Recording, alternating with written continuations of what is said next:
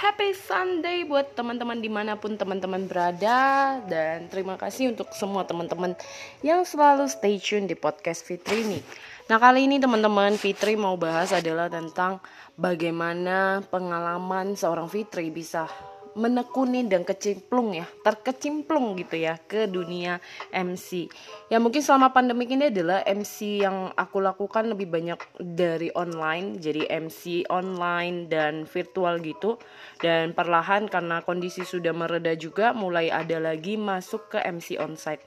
Nah, teman-teman di sini yang aku mau sharing adalah bagaimana sih cara kita bisa kok tiba-tiba seorang Fitri ini ketemu eh menjadi belajar MC ya. Mungkin dengan profesi saya sekarang juga sebagai network marketer, juga sebagai seorang public speaker.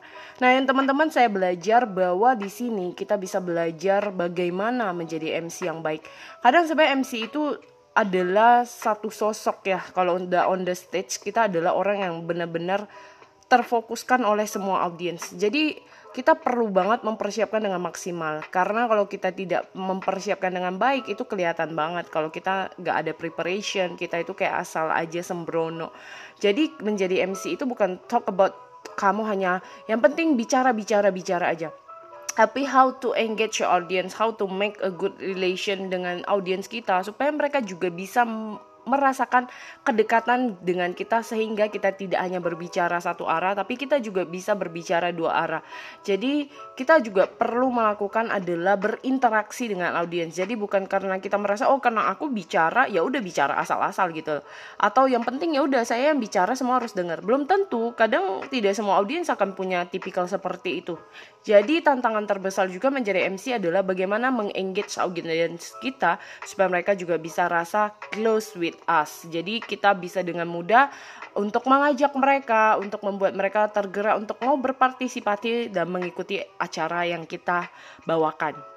Jadi kalau buat teman-teman yang hari ini masih takut, masih nggak berani, teman-teman you need to try karena kalau jadi MC ya kita perlu belajar uh, bukan berarti ih saya nggak punya pengalaman langsung tiba-tiba asal jadi MC ya kita perlu persiapan latihan pastinya nah itu membuat kita jadi lebih perfect kan? Karena dengan latihan membuat kita jadi lebih baik lagi.